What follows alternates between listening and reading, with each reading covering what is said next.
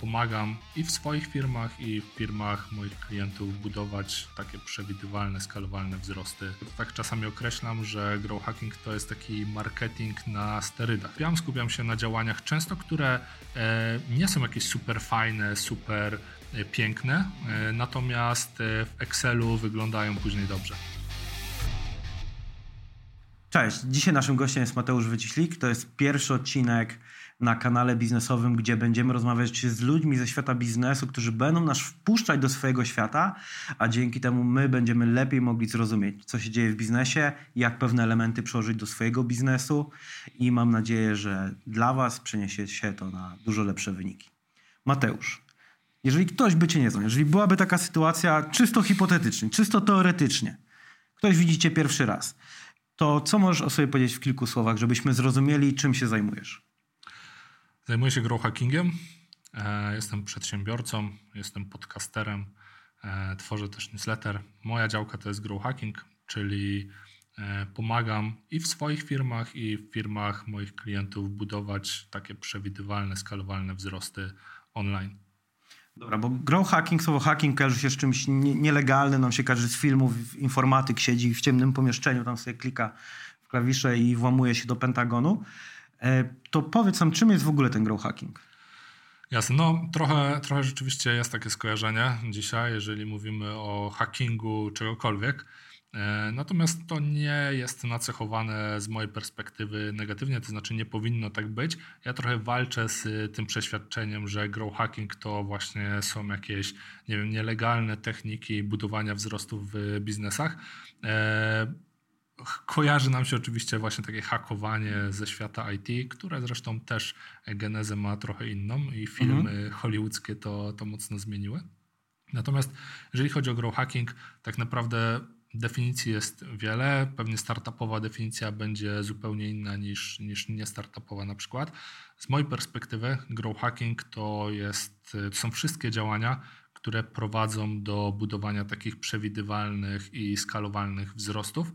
Czyli można powiedzieć, ja to tak czasami określam, że grow hacking to jest taki marketing na sterydach, to znaczy taki marketing mocno oparty o liczby, mocno skupiony właśnie na budowaniu wzrostów e, ale jednocześnie też często e, łączący świat marketingu, sprzedaży ze światem technologii, nie? czyli gdzieś tam okay. wykorzystujemy możliwości technologiczne, które pomagają nam skalować, które pomagają nam docierać do odpowiednich klientów w jedną działkę. Czyli grow hacking różni się od marketingu tym, że oprócz marketingu samego w sobie jest także, tak jak powiedziałeś, sprzedaż i nowa technologia. Mhm. Która tam jest. Tak, natomiast no, takim corem, takim e, fundamentem grow hackingu jest ten growth, czyli po prostu budowanie wzrostów, bo zauważ, że marketing dzisiaj, jak ja to mówię, jest e, dużo w marketingu jest takiego fluffy marketingu. E, nie wiem, czy to jest termin. Co to znaczy? Tak, fluffy marketing to jest taki termin, którego ja używam. Nie wiem, czy on szerzej funkcjonuje. E, natomiast to są wszystkie takie działania marketingowe, które ładnie wyglądają, są super kreatywne, ale jednocześnie niekoniecznie przekładają się na wyniki biznesowe. Nie? Jakby e, ja na tych działaniach się w ogóle nie skupiam. Skupiam się na działaniach często, które e, nie są jakieś super fajne, super piękne, mhm. natomiast w Excelu wyglądają później dobrze. Nie brzmi to seksownie.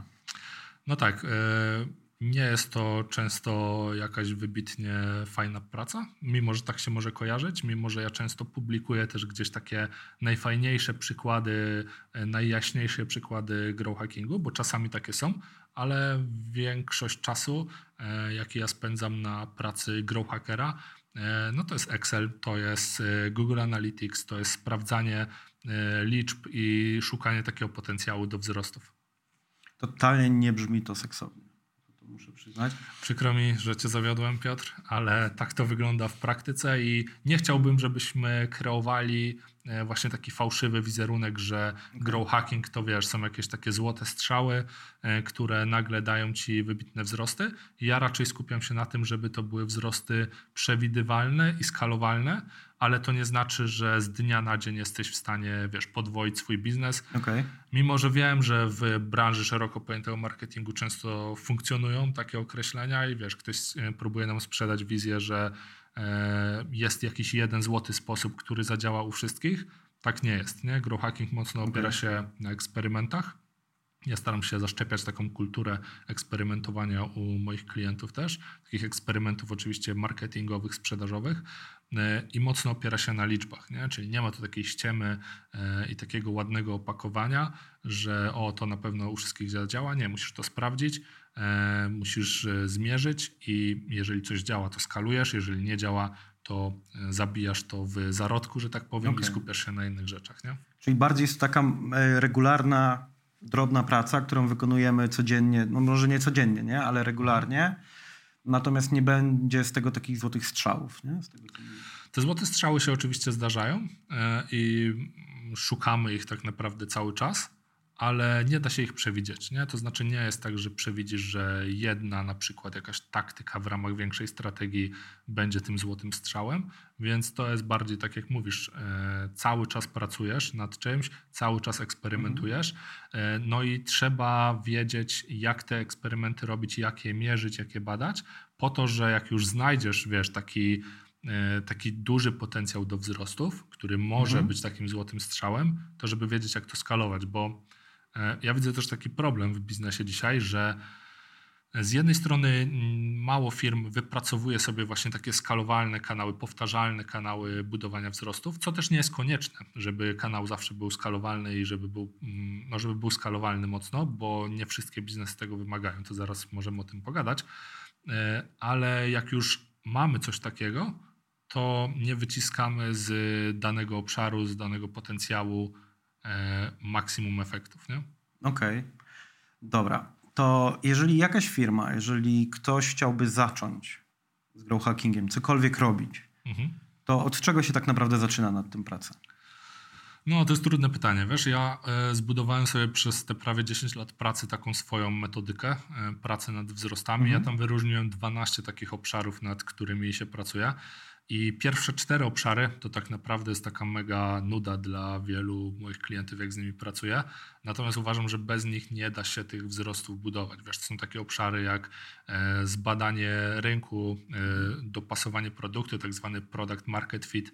To jest coś, bez czego nie da się budować mhm. E, wzrostów w długim okresie wiesz, badanie naszych klientów, czyli do kogo my w ogóle kierujemy ten przekaz, gdzie ci klienci są, jak budować value proposition, nie? czyli jak komunikować mhm. wartość, którą my klientom sprzedajemy. Szereg takich elementów, one są pogrupowane e, w takie kategorie. E, więc no musimy być dobrze przygotowani produktowo i rynkowo, żeby w ogóle, żeby w ogóle móc mówić o czymkolwiek dalej. Nie? Czyli musimy mieć dobry produkt, który trafia w dobre potrzeby na dobrym rynku i musimy wiedzieć, jak te potrzeby komunikować naszym produktem. Czy to jest coś, co możemy robić na samym początku biznesu, czy już raczej powinniśmy mieć pewne doświadczenie, żeby lepiej poznać rynek? Czy wiesz, czy grow hackingiem może się zainteresować ktoś, kto startuje totalnie od zera, w mhm. sensie ma jakiś pomysł na produkt, ma coś i od razu chciałby wdrażać tę strategię? Mhm. Czy to już raczej powinna być osoba, która trochę doświadczenia ma, trochę, wiesz, reklam zrobiła, trochę produktów sprzedała, lepiej poznała klientów? Mhm. Czy to jest w ogóle do zastosowania w takich nowych biznesach? Ja myślę, że jak najbardziej, nawet e, często jest to lepsza opcja, żeby zaczynać od razu. E, nie mamy pewnych schematów, nie jesteśmy zakopani w jakichś działaniach, narzędziach, które niekoniecznie są do nas dopasowane. E, ogólnie ja dzielę tą swoją metodykę na dwie takie podstawowe ścieżki. Pierwsza to mamy właśnie ten product market fit, czyli mhm. mamy produkt, mamy odpowiedni rynek i teraz ten produkt się sprzedaje, nasi klienci go chcą, ale my potrzebujemy większej ilości klientów, czyli chcemy skalować mhm. po prostu tą sprzedaż. No i to jest oczywiście większość przypadków, nad którymi ja też pracuję. Ale druga ścieżka to są biznesy, które zaczynają. I tam ta ścieżka e, wygląda trochę inaczej. To znaczy, nie zaczynamy od razu od skalowania, bo jeszcze nie wiemy, mhm. czy nasi klienci chcą dokładnie tego, czy tak to powinniśmy komunikować i tak dalej tylko zaczynamy od rzeczy mniej skalowalnych, ale które dają nam więcej informacji zwrotnej, nie? czyli e, dowiadujemy się od rynku właśnie, w którym kierunku my powinniśmy podążać, więcej jesteśmy w stanie eksperymentować na, na małej skali i dopiero jak mamy te fundamenty zbudowane, to skalujemy. Nie? I jakby polecam tutaj taki proces, jeżeli ktoś zaczyna, możemy uniknąć wielu błędów. Większość firm, wiesz, powstaje na zasadzie, ok, mam pomysł, to teraz wdrażam ten pomysł na rynek, wydaję wszystkie oszczędności życia i to na pewno się uda.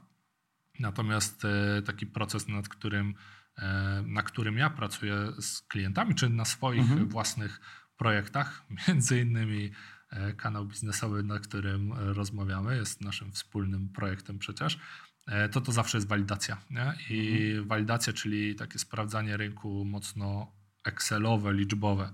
Nie ma znowu zgadywania, czy ten produkt się sprzeda, czy nasi klienci będą go chcieli, kto jest tym naszym klientem, czy powinniśmy to robić, czy powinniśmy e, promować go w tym kanale, czy w innym. Wszystko wynika z pewnego e, badania, pewnego właśnie takiego Excelowego podejścia. Dobra, a powiedz mi, czy są jakieś sposoby na to, żeby takie badanie szybko zrobić? Bo to brzmi jak masa pracy tak naprawdę, nie? Czyli mhm. przykładowo mam pomysł na jakiś produkt, sprawdzam, czy są takie na rynku, mhm. e, sprawdzam o ile mogę, ile się sprzedaje, chociaż to jest raczej trudne, nie? Żeby zajrzeć do konkurencji tak mhm. naprawdę. Tak, no y, częściowo jest to do zrobienia. E, też, też właśnie jednym z takich elementów, e, na których ja zawsze pracuję, to jest e, badanie konkurencji, czy też funnel hacking, jak zwał, tak zwał. Mhm. Jest to cały taki proces, gdzie możemy sprawdzić, w zależności od branży, bardziej lub mniej szczegółowo, e, co robi nasza konkurencja e, i czy ta konkurencja w ogóle jest. Wiele osób też myśli, że jeżeli nie ma konkurencji, no to to jest super sytuacja. Mhm. Ja uważam, że zazwyczaj to jest sytuacja fatalna dla małego biznesu, e, który nie ma doświadczenia. Jeżeli nie ma konkurencji, to prawdopodobnie nie ma rynku. Nie? Jakby mhm to jest, to jest tak proste. Nie? Jakby nikt tego nie zagospodarował, dlatego że nie było w tym pieniędzy. E, oczywiście są wyjątki. E, zachęcam zawsze do szukania innowacji, do budowania sobie pewnych błękitnych oceanów, tak zwanych, czyli e, żebyśmy nie rywalizowali jeden do jednego mhm. z naszą konkurencją, ale jednocześnie, jeżeli nie ma tej konkurencji, to jest coś nie tak. Ja też w swoim procesie, jak właśnie uczę o badaniu rynku, tam jednym z takich pytań, na które warto sobie odpowiedzieć, e, jest to, czy e, jeżeli my e, wyjdziemy do naszych klientów, też bardziej dla takich produktów, które istnieją, to czy ci klienci w ogóle też będą w stanie dopasować do nas, kto jest naszą konkurencją bezpośrednio. Nie?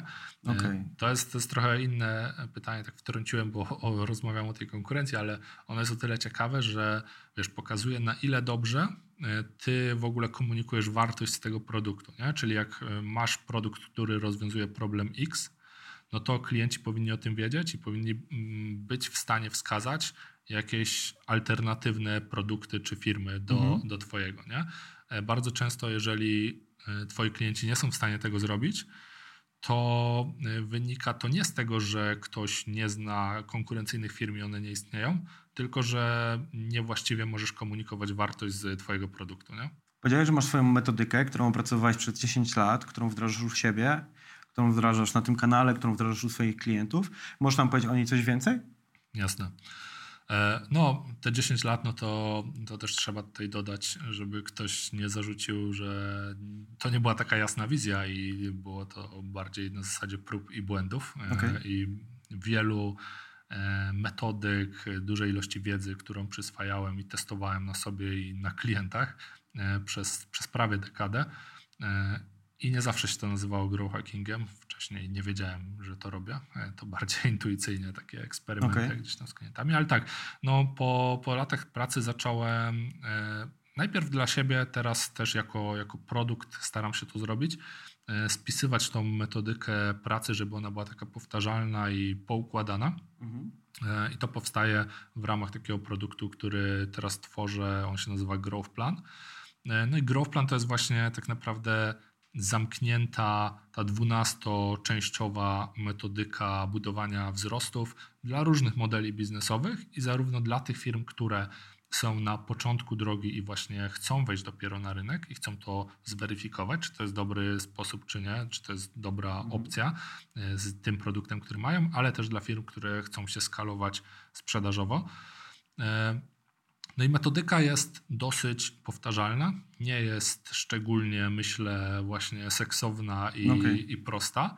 E, natomiast te 12 obszarów, z których się składa, tak naprawdę pokrywa po potrzeby na, na budowanie właśnie takich przewidywalnych wzrostów większości firm. To znaczy, wiadomo, zawsze będą jakieś wyjątki, ja też zawsze staram się to ocenić, ale e, jak pracowałem z klientami, e, też tak indywidualnie, strategicznie, e, i ta metodyka nie była spisana, to bardzo często skupialiśmy się na takiej bieżączce, jak to okay. się mówi. I wiesz, właśnie próbowaliśmy załatać jakąś jedną rzecz, próbowaliśmy znaleźć jakąś jedną super technikę, czy nowy kanał pozyskiwania klientów, który by dawał te wzrosty. I rzeczywiście często tak było. Natomiast po jakimś czasie doszedłem do wniosku, że to jest właśnie takie mało powtarzalne. U jednej e, firmy to zadziała, u innej nie zadziała i szukałem przyczyny, dlaczego tak jest. Nie? Jakby zauważyłem, że dopiero jak zaopiekujemy się tymi wszystkimi obszarami i nie ma takiej, takich dziur w naszej strategii, to dopiero wtedy e, mamy szansę te wzrosty budować. Nie? Czyli jak mamy mhm. nie wiem, jakąś taktykę, jakąś, jakiś właśnie taki złoty strzał e, i ten złoty strzał zadziała w firmie A, ale nie zadziała w firmie B, która zajmuje się dokładnie tym samym, to prawdopodobnie w firmie B mamy właśnie jakieś dziury gdzieś w jednym z tych 12 elementów. Nie? Więc y, moja filozofia budowania wzrostów i ta metodyka, którą stosuję, zakłada, że najpierw budujemy taką strategię która ma nam dawać te mm, być może nie jakieś dynamiczne, ale takie przewidywalne wzrosty, czyli łatamy takie dziury, które zazwyczaj w firmach są i ciężko nam jest identyfikować, a później dopalamy tą całą strategię kolejnymi e, właśnie taktykami, e, kolejnymi kanałami e, i też kolejnymi eksperymentami. Nie? Zresztą właściwie metodyka składa się z 11 części, a 12, 12 część to jest właśnie takie, mm, taki system, który wypracowałem y, tworzenia eksperymentów, mhm. wyciągania wniosków z tych eksperymentów. Nie? Czyli tak naprawdę wdrażamy 11 części, to zaczyna nam działać i 12 część to tak naprawdę zaczynamy pracę od nowa, nie? czyli dopiero uczymy się, jak to wszystko y, eksperymentować. Ja uważam, że każda firma, nawet mikrofirma jednoosobowa, jest dzisiaj w stanie e, przeprowadzać eksperymenty non-stop. Nie? To znaczy, mhm. żeby dział się przynajmniej jeden eksperyment w danym czasie. E, oczywiście, jak masz małą skalę, mało ruchu na przykład na stronie mhm. i tak dalej, to te eksperymenty często muszą trwać dłużej, żeby wyciągać jakieś sensowne wnioski, ale to nie, nie znaczy, że nie powinniśmy ich przeprowadzać, bo zauważ, że jest to dosyć prosta metoda e, budowania wzrostów. Jeżeli już masz właśnie strategię i później małymi krokami zakładasz, że coś może zapewnić ci wzrost, to po prostu to sprawdzasz, nie? Wdrażasz, e, sprawdzasz, jeżeli tak jest, miałeś rację, to skalujesz, jeżeli nie, to tego nie robisz i przechodzisz do kolejnego eksperymentu, więc jakby nie poświęcasz dużej ilości czasu, środków na nieudane jakieś y, niewłaściwe hipotezy, nie? Okay. że coś zadziała na przykład. A mam pytanie, czy mógłbyś podać jakiś przykład eksperymentów, które ro robisz ty, robią twoi klienci. E, mhm. E, wiesz, tak żebyśmy, bo testy, badania, doświadczenia, mhm. eksperymenty to brzmi tak skomplikowanie, nie? Szczególnie eksperyment mhm. kojarzy nam się z nauką. Okay. Ale z tego co rozumiem, to czasem może być coś prostego, co po prostu testujemy. Mógłbyś podać jakieś takie dwa, trzy przykłady takich eksperymentów, testów? Jasne, no tak naprawdę to może być wszystko, bo to może być, e, wiesz, eksperymentowanie z e, samym modelem biznesowym nawet, nie? E, okay. Tego, co sprzedajemy, za ile sprzedajemy i tak dalej, ale zazwyczaj tak nie jest, nie? Zazwyczaj mhm. to są małe rzeczy, które sprawdzamy. Ostatnio pracowałem na przykład indywidualnie e, jako takie strategiczne wsparcie w takim biznesie e-commerce'owym, I tam eksperyment był bardzo prosty, to znaczy jakby całość oczywiście w e-commerce opiera się o sprzedaż internetową na stronie mhm. klienta i eksperyment polegał na tym, że mocno mm, uprościliśmy cennik. Nie? To znaczy tam były pakiety takie abonamentowe, dodatkowo mogłeś sobie kupić hardware, czyli kupowałeś urządzenie plus miałeś abonamenty e, do tego urządzenia, więc to było skomplikowane i ja wiesz, jako takie świeże, e, świeże oko, że tak powiem z mhm. zewnątrz, szybko dostrzegłem, że Wiesz, nie za bardzo wiem, o co tam chodzi, nie? jakby w tym cenniku. No i hipoteza i taki eksperyment polegał na tym, żeby wyrzucić po prostu większość opcji, uprościć to do dwóch opcji, na przykład cenowych. I E, no i to zapewniło bardzo fajne wzrosty. Nie? Tam Okej. wzrosty były na poziomie konwersji na poziomie 30%, więc to jest w dużej skali bardzo dużo. Nie? E, Więc jakby to są często tego typu proste działania. Nie? Jak, jak wygląda taki eksperyment też od strony technicznej? W tym przypadku to wyglądało tak, że posługiwaliśmy się takim narzędziem, które nazywa się Google e, Optimize. To jest narzędzie, które pozwala robić tak zwane testy AB, nie? czyli że połowa odbiorców, którzy trafiali do tego sklepu, dalej widziało starą wersję cennika, a połowa widziała nową wersję cennika, losowo. Jakby. E, I później po miesiącu, dwóch czy trzech wchodzimy sobie do takiego narzędzia i oceniamy. Widzimy, że stara wersja konwertuje tak, a e, nowa wersja konwertuje 30% lepiej. Nie? To jest jakaś bardzo jasna informacja dla nas. E, Tutaj od razu może dodajmy, żeby też e, ktoś, kto będzie robił pierwszy raz takie eksperymenty, mógł uniknąć błędów. Nie? Jak testujemy w taki sposób, czyli robimy tak zwane testy AB, to zawsze starajmy się testować jedną rzecz na raz. Nie? Czyli jakbyśmy zmienili cennik, ale jeszcze dodatkowo opisy produktów, no to nie wiemy, która z tych rzeczy wpłynęła nam pozytywnie na Okej. wynik, a która nie. E, A po drugie, pamiętajmy o tym, że musi być też odpowiednia skala. Nie? Czyli jak my mamy 100 osób na naszej stronie internetowej w miesiącu, to jeżeli w naszym teście wyjdzie, że coś działa lepiej, bo zapisały się na nasz newsletter dwie osoby, a w y, drugiej wersji jedna, to to nie jest y, Okej. miarodajne, y, żebyśmy mogli podejmować jakieś sensowne decyzje. Nie? Czyli tutaj to hasło, że statystyka działa na dużych liczbach jest prawidłowe. A czy są jakieś takie wartości, które powinniśmy mieć? Przykładowo, średnio mam 1000 odwiedzin na stronie, nie? Mhm. Z tego mi się zapisuje 100 osób na newsletter, przykładowo, Mhm. nie? Czyli mam 10% konwersji, ktoś powie dobrze, ktoś powie źle, to nie jest ważne. To ile ten test powinien trwać? Do jakiej grupy osób według Ciebie? Mhm.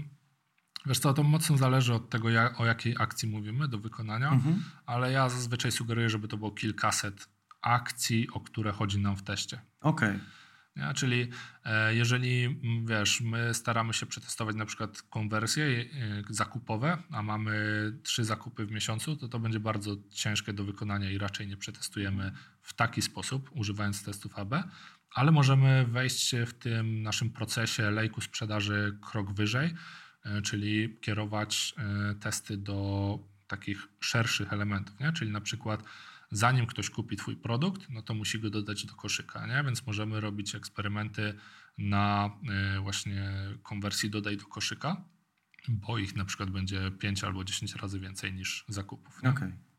Czyli zawsze szukamy tego elementu, znaczy łatwiej nam jest z tym elementem, który po prostu częściej występuje i Mhm. częściej się zdarza.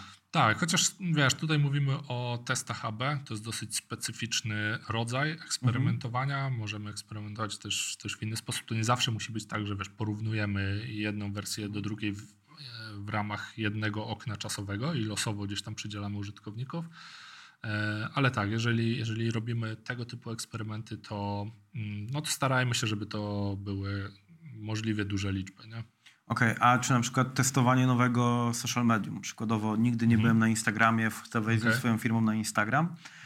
E, to jest eksperyment, który ciężko nam jest określić czasowo, no bo nigdy tego nie robiliśmy. Mhm. To jaki według Ciebie jest taki czas? Bo myślę, że dużo ludzi teraz się waha, nie wiem, TikTok, e, wchodzą różnego Mhm. rodzaju platformy. Ile według Ciebie powin, czasu powinno trwać e, takie sprawdzenie danego social medium? Wiesz co, ja ogólnie, nie tylko jeżeli chodzi o social media, ale ogólnie kanały dotarcia do klienta, uważam, że wiele firm przepala bardzo mocno swój budżet i czas e, na niewłaściwe kanały. Nie? I to nie chodzi nawet o to, żeby testować mocno te kanały, bo w przypadku doboru kanałów pozyskiwania klienta, my jesteśmy w stanie ocenić e, ich potencjał, zanim wejdziemy do danego kanału. Nie? W Growth Planie mamy taki prosty proces e, wyboru kanałów i ustalania priorytetów dla kanałów pozyskiwania klienta. I e, to bym mocno polecał, czyli odrobić pracę domową zanim wybierzemy kanał, bo zauważ, że firmy zazwyczaj, nie wiem, są na Facebooku albo są na TikToku, bo inni tam są albo bo, jest, bo jest to modne, niezależnie w ogóle nie sprawdzając, czy są tam nasi klienci, czy jest tam nasza konkurencja, jak duża jest ta konkurencja, jak dużo czasu my musimy poświęcić na dany kanał, jak dużo pieniędzy, jakby w ogóle się nad tym nie zastanawiamy, później te kanały bardzo szybko umierają, nie? E, Więc e, ja bardziej polecam w przypadku kanałów proces ich doboru, Mhm. e, który e, da nam jasną informację, gdzie my powinniśmy być. Nie? E, ja wybieram kanały na podstawie kilku takich kryteriów. Pierwsza rzecz no to, czy dany kanał jest skalowalny, bo zobacz, że e, bardzo często jest tak, że możemy znaleźć fajny kanał, e, który będzie u nas funkcjonował biznesowo, mhm. ale ten kanał, jego potencjał wyczerpie się na przykład po miesiącu. Nie? Czyli znaleźliśmy dobrą ścieżkę pozyskiwania mhm. klienta, tylko że nie jesteśmy w stanie jej skalować, bo pozyskaliśmy tam trzech klientów i więcej tam nie ma. Nie?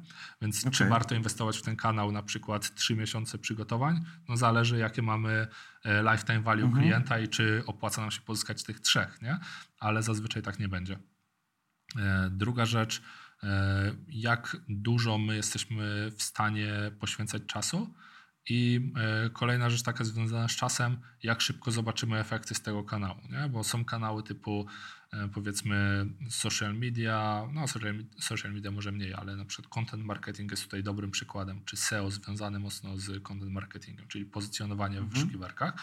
Super kanały dla bardzo wielu firm, szczególnie B2B i content marketing to ja uwielbiam. E, natomiast trzeba zakładać, że efekty pojawiają się z tego dosyć późno nie jest to e, jakby zasada w każdym mhm. przypadku, ale zazwyczaj tak jest, nie? Więc musimy zakładać, że na przykład jak ja robię podcast, e, no to efekty takie biznesowe z podcastu zaczęły się pojawiać po prawie dwóch latach, myślę, nie? regularnego podcastowania. Więc ogrom pracy włożony na start, żeby później wyjmować jakieś sensowne efekty. Dobra, to skąd możemy wiedzieć? Wiesz, robiłeś to przez dwa lata i nie miałeś żadnych efektów, tak jak powiedziałeś, mhm. nie? E, Skąd wiedziałeś, że to jest sens to dalej to ciągnąć? W sensie, mhm. skąd wiedziałeś, że to ma sens? No bo też mogło się okazać, wiesz, nawet po tych trzech latach, czterech latach, mhm. że nic z tego biznesowo nie będzie, no i wtedy byś okay. spalił bardzo dużo czasu i energii, nie? Jasne, no to była pewna analiza, nie? czyli jakie, jaki jest potencjał tego kanału w mojej grupie docelowej, no i ja od razu zakładałem, że to czasowo tak będzie wyglądało. Nie? To znaczy, że okay. nie będę miał po miesiącu czy po pół roku jakichś spektakularnych efektów, ale jednocześnie bardzo ważne jest, żeby wyznaczać sobie odpowiednie metryki, takie pośrednie metryki, e, które pokazują nam, czy idziemy w dobrym kierunku, czy nie. nie? Na przykład my w Growth Planie, już pomijając kanały, ale pracujemy na sześciu takich podstawowych metrykach plus trzech takich dodatkowych i to działa tak, że E, masz metrykę tak naprawdę dla każdego etapu pozyskiwania klienta, nie? czyli dla etapu e, dotarcia do klienta, czyli mhm. jak klient cię w ogóle nie zna i właśnie musisz mieć jakiś kanał e, dotarcia do niego, to jest osobna metryka. Nie? Etap aktywacji tego klienta, czyli takiej pierwszej akcji, którą klient wykonuje, jeszcze nie sprzedażowej najczęściej, to też jest osobna metryka. E, etap ogrzewania tego klienta, czyli przygotowywania go do sprzedaży, mhm. to powinna być osobna metryka. Etap konwersji osobna. Etap tak zwanego lifetime value, e, czyli jak zwiększać wartość klienta w czasie, jak pozyskiwać być może e, polecenia do innych klientów od obecnych mhm. klientów to też osobna metryka. I zauważ, że oczywiście jest to upierdliwe na początku, żeby to wszystko stworzyć, wiesz, jest tam dużo takiej pracy w Excelu, ten proces jest taki rozbudowany, czy w planie, czy gdziekolwiek, mhm. jak będziesz chciał to zrobić dobrze. Natomiast później pracujesz na bardzo jasnych danych, nie? czyli widzisz, że na przykład idziesz w dobrym kierunku w tym, w tym i w tym mhm. obszarze, ale w jednym z nich idziesz w złym kierunku i to na nim powinieneś się skupiać. Nie? E, więc to wszystko jest e, takie analityczne podejście i jest tutaj mało zgadywania. Ja mocno polecam, żeby nie zgadywać, tylko właśnie najpierw odrobić pracę domową, zastanowić się, jak dany kanał będzie u nas funkcjonował, jaki ma potencjał, czy nas stać czasowo zazwyczaj, mhm. E, ale też finansowo na dany kanał. E, I tyle, nie? Jakby tutaj ciężko robić błędy. Ogólnie patrząc na rynek, nie skupiałbym się mocno na tym, akurat gdzie jest nasza konkurencja. Wręcz przeciwnie, często szukałbym kanałów, które mają e, taki dobry stosunek potencjału, ilości naszych mhm. klientów, uwagi tych klientów do ilości konkurencji, która jest w tym kanale. I podam Ci fajny przykład, bo często właśnie mówi się o e, SEO, czyli pozycjonowaniu w Google, mhm. że to jest taki super kanał. No i oczywiście to jest super kanał, tylko zauważ, że jak mamy Google, czyli mamy takich klientów z bardzo fajną intencją, czyli klientów, którzy już na przykład szukają bardzo konkretnej mhm. usługi, czy bardzo konkretnego produktu, więc oczywiście to jest super ruch i chcemy go pozyskać. Natomiast powiedzmy, że tego ruchu jest e, tysiąc zapytań w skali miesiąca do Google, po prostu ludzie wpisują jakiś tam produkt lub usługę. Mhm i o ten ruch bije się 200 firm. Nie? Biją się firmy w SEO, e, biją się firmy w płatnej reklamie w Google, kliknięcia mhm. kosztują po 30 zł jakby jest jedna wielka wojna. Nie?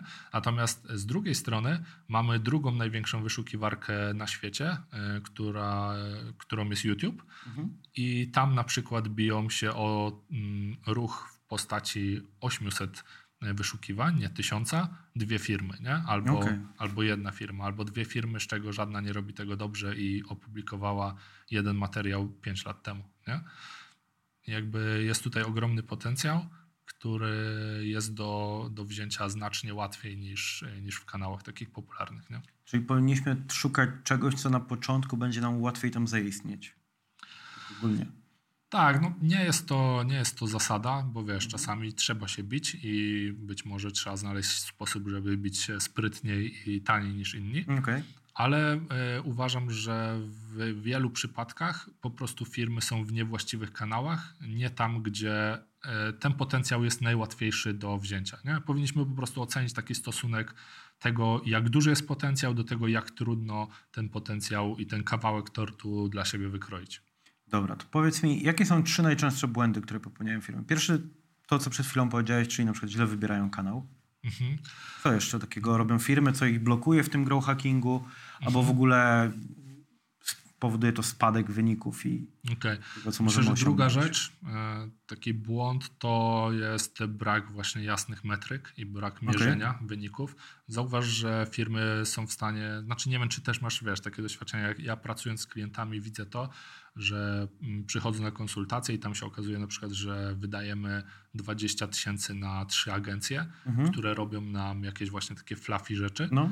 I ja się pytam, jakie są zwroty nie? z tego, z inwestycji tych 20 tysięcy czy ilość tam. No i nikt nie wie, nie? Jakby w ogóle nie, nie wiemy, czy coś się przekłada nam na biznes, czy nie. Okay. I wiesz, ja nie twierdzę, że trzeba wszystkie takie rzeczy, które nie są bezpośrednio mierzalne, wycinać, ale jednak jeżeli nie mamy nieograniczonych budżetów, to dobrze byłoby mieć e, więcej rzeczy, które jednak są mierzalne mhm. I wiemy, że każda zainwestowana złotówka przekłada się na 5 złotych przychodu na przykład. Nie? E, no to to jest e, druga rzecz. Trzecia rzecz, no to powiedziałbym, że brak takiego strategicznego poukładania nie, tematu. Okay. Tak jak mówię, z mojej perspektywy Łatwiej jest budować wzrosty, jeżeli e, zaopiekujemy się strategicznym podejściem, czyli nasza strategia nie będzie dziurawa, mhm. niż e, e, robiąc takie złote strzały, bo wiesz, wszedł nowy kanał, czy znaleźliśmy nową taktykę, nie? Więc jakby łatwiej jest budować wzrosty nawet mhm. bez nowych taktyk, ale mając dobrą strategię, niż, niż odwrotnie, nie? Mając taktyki, ale nie mając strategii. Okej. Okay. I teraz ostatnie pytanie, jakie mam do Ciebie. Powiedziałeś o tych pierwszych czterech krokach, czyli zbadanie rynku, dostosowanie produktu. Jeżeli byłaby firma, przykładowo ktoś jest, nie wiem, florystką, prowadzi mhm. mały biznes, ma jednego pracownika, który na przykład rozwozi kwiaty, mhm. E, zrobiła badanie rynku, jest zapotrzebowanie, ma jakiś tam pomysł, co jako taką pierwszą rzecz może wdrożyć, żeby zwiększyć u siebie te wzrosty? Mhm. Wiesz co, no nie mam takiej jasnej odpowiedzi, wiesz, jak, jak to działa w biznesie Nie, nie jest to YouTube'owe, muszę ci powiedzieć, nie? Tutaj trzeba konkrety, wiesz, jak, tak, jak ocalić świat i ty od razu walisz odpowiedź, a nie tam to zależy. Czy... No właśnie, wiesz, ja, ja staram się trochę walczyć, no bo e, i w swoim podcaście, i w swoim newsletterze od kilku lat e, też wrzucam właśnie takie te złote strzały, mhm. nie? To znaczy pokazuję taktyki bez strategii e, mhm. I wiele osób trochę zaczęło myśleć, że tak można, nie? Dlatego ostatnio, okay. jak z kimś rozmawiam, e, no to, to staram się przekonywać, że tak nie jest. Znaczy, że taktyki są częścią tej strategii większej, która musi być poukładana.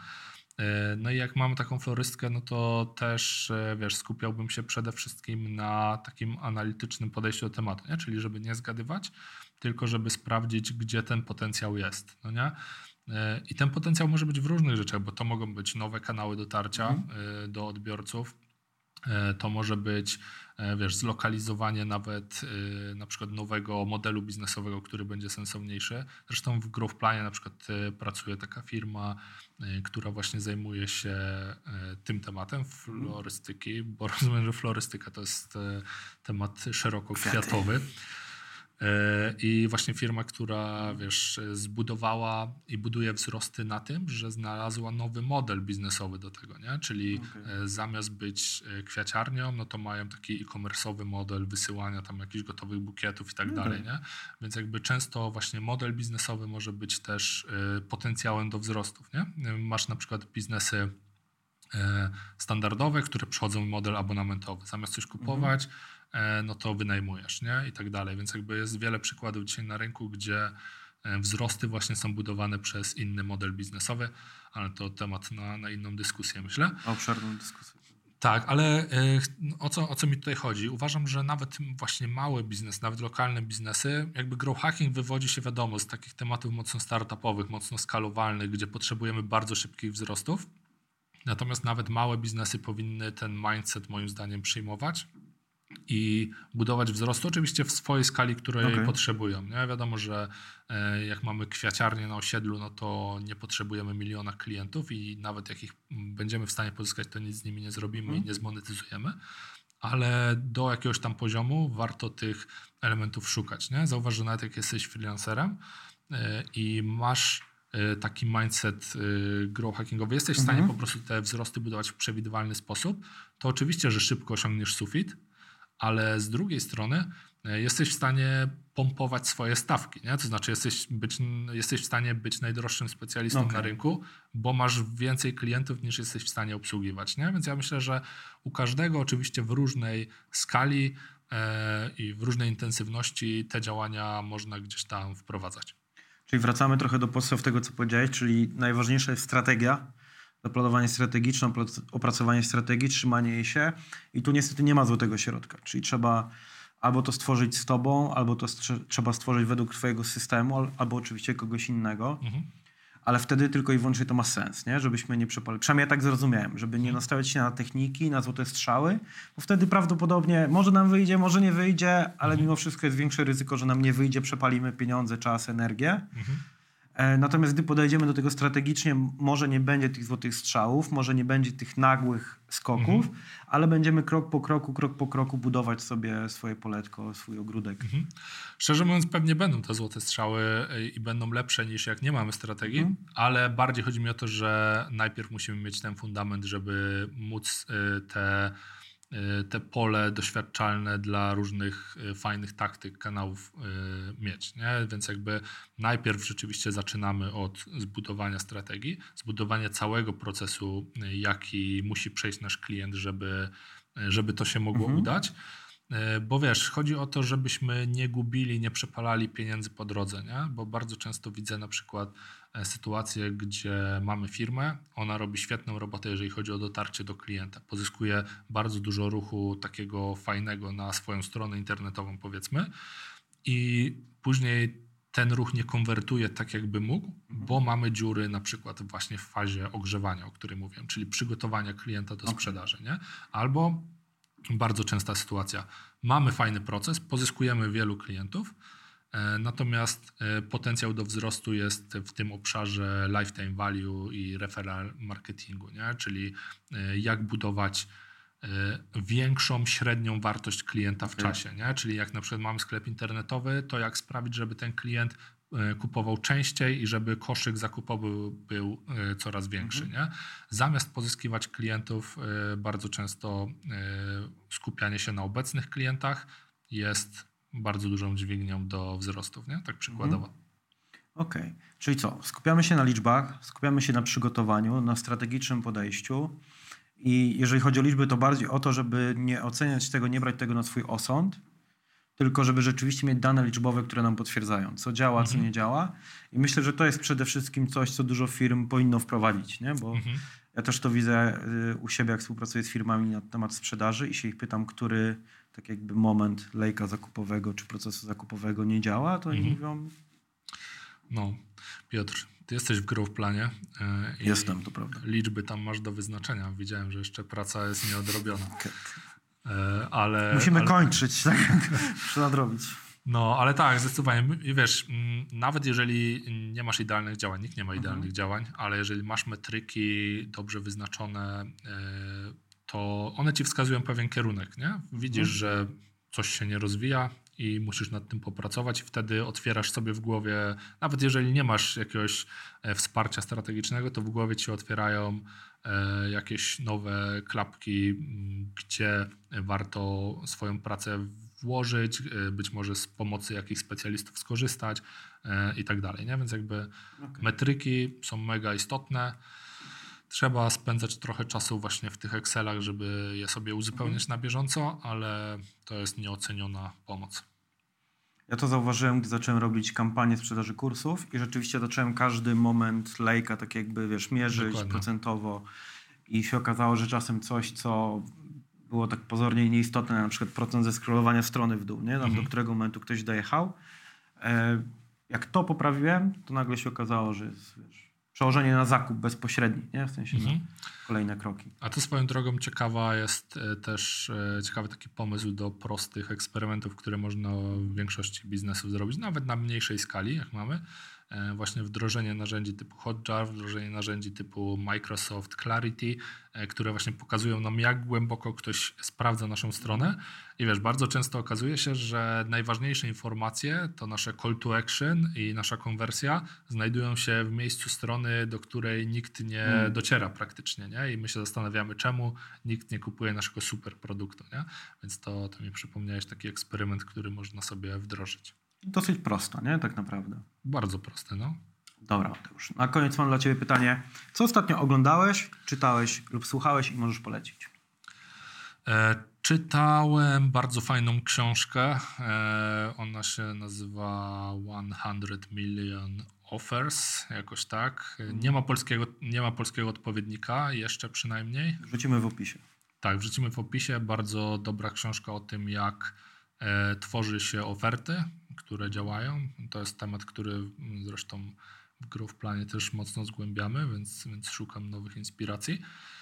E, I to jest książka, którą mogę polecić. Teraz zabieram się za książkę inną jeszcze, która też nie ma polskiego odpowiednika o e, grywalizacji. Okay. Ultimate Gamification, jakoś tak, kurczę, nie pamiętam hmm. niestety tytułu, ale też wrzucimy w opisie odcinka. Słyszałem bardzo dobre opinie, że jest naprawdę, naprawdę dobra. No więc myślę, że na, na teraz mogę polecić te dwie.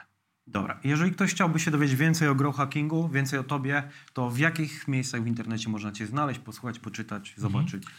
Tak, ja, ja, od trzech lat ponad prowadzę podcast Grow Hacking po polsku. E, no i to jest takie moje główne miejsce, gdzie dzielę się wiedzą. E, ostatnio od około 20 odcinków podcasty też mają wersje blogowe, więc jeżeli ktoś woli czytać, no to na mhm. mateuszwycislik.pl e, znajdzie te blogi.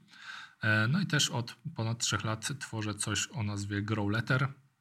Jest to taki newsletter grow hackingowy. Tam okay. co środę o 12 nieprzerwanie wysyłam e, taktyki growhackingowe, narzędzia, które mogą wspomóc budowanie wzrostów e, i takie też inspiracje, czyli odesłanie do ciekawych miejsc, artykułów, które, na które się natknąłem w ostatnim tygodniu. Także taka dawka inspiracji cotygodniowa.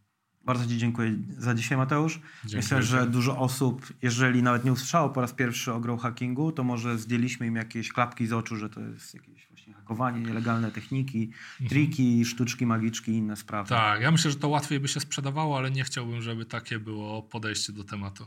Okej. Okay. Jeżeli podobała Ci się ta rozmowa i uważasz ją za wartościową, to zostaw subskrypcję, kliknij dzwoneczek, żeby uzyskać powiadomienie o kolejnych filmach i widzimy się z następnym gościem.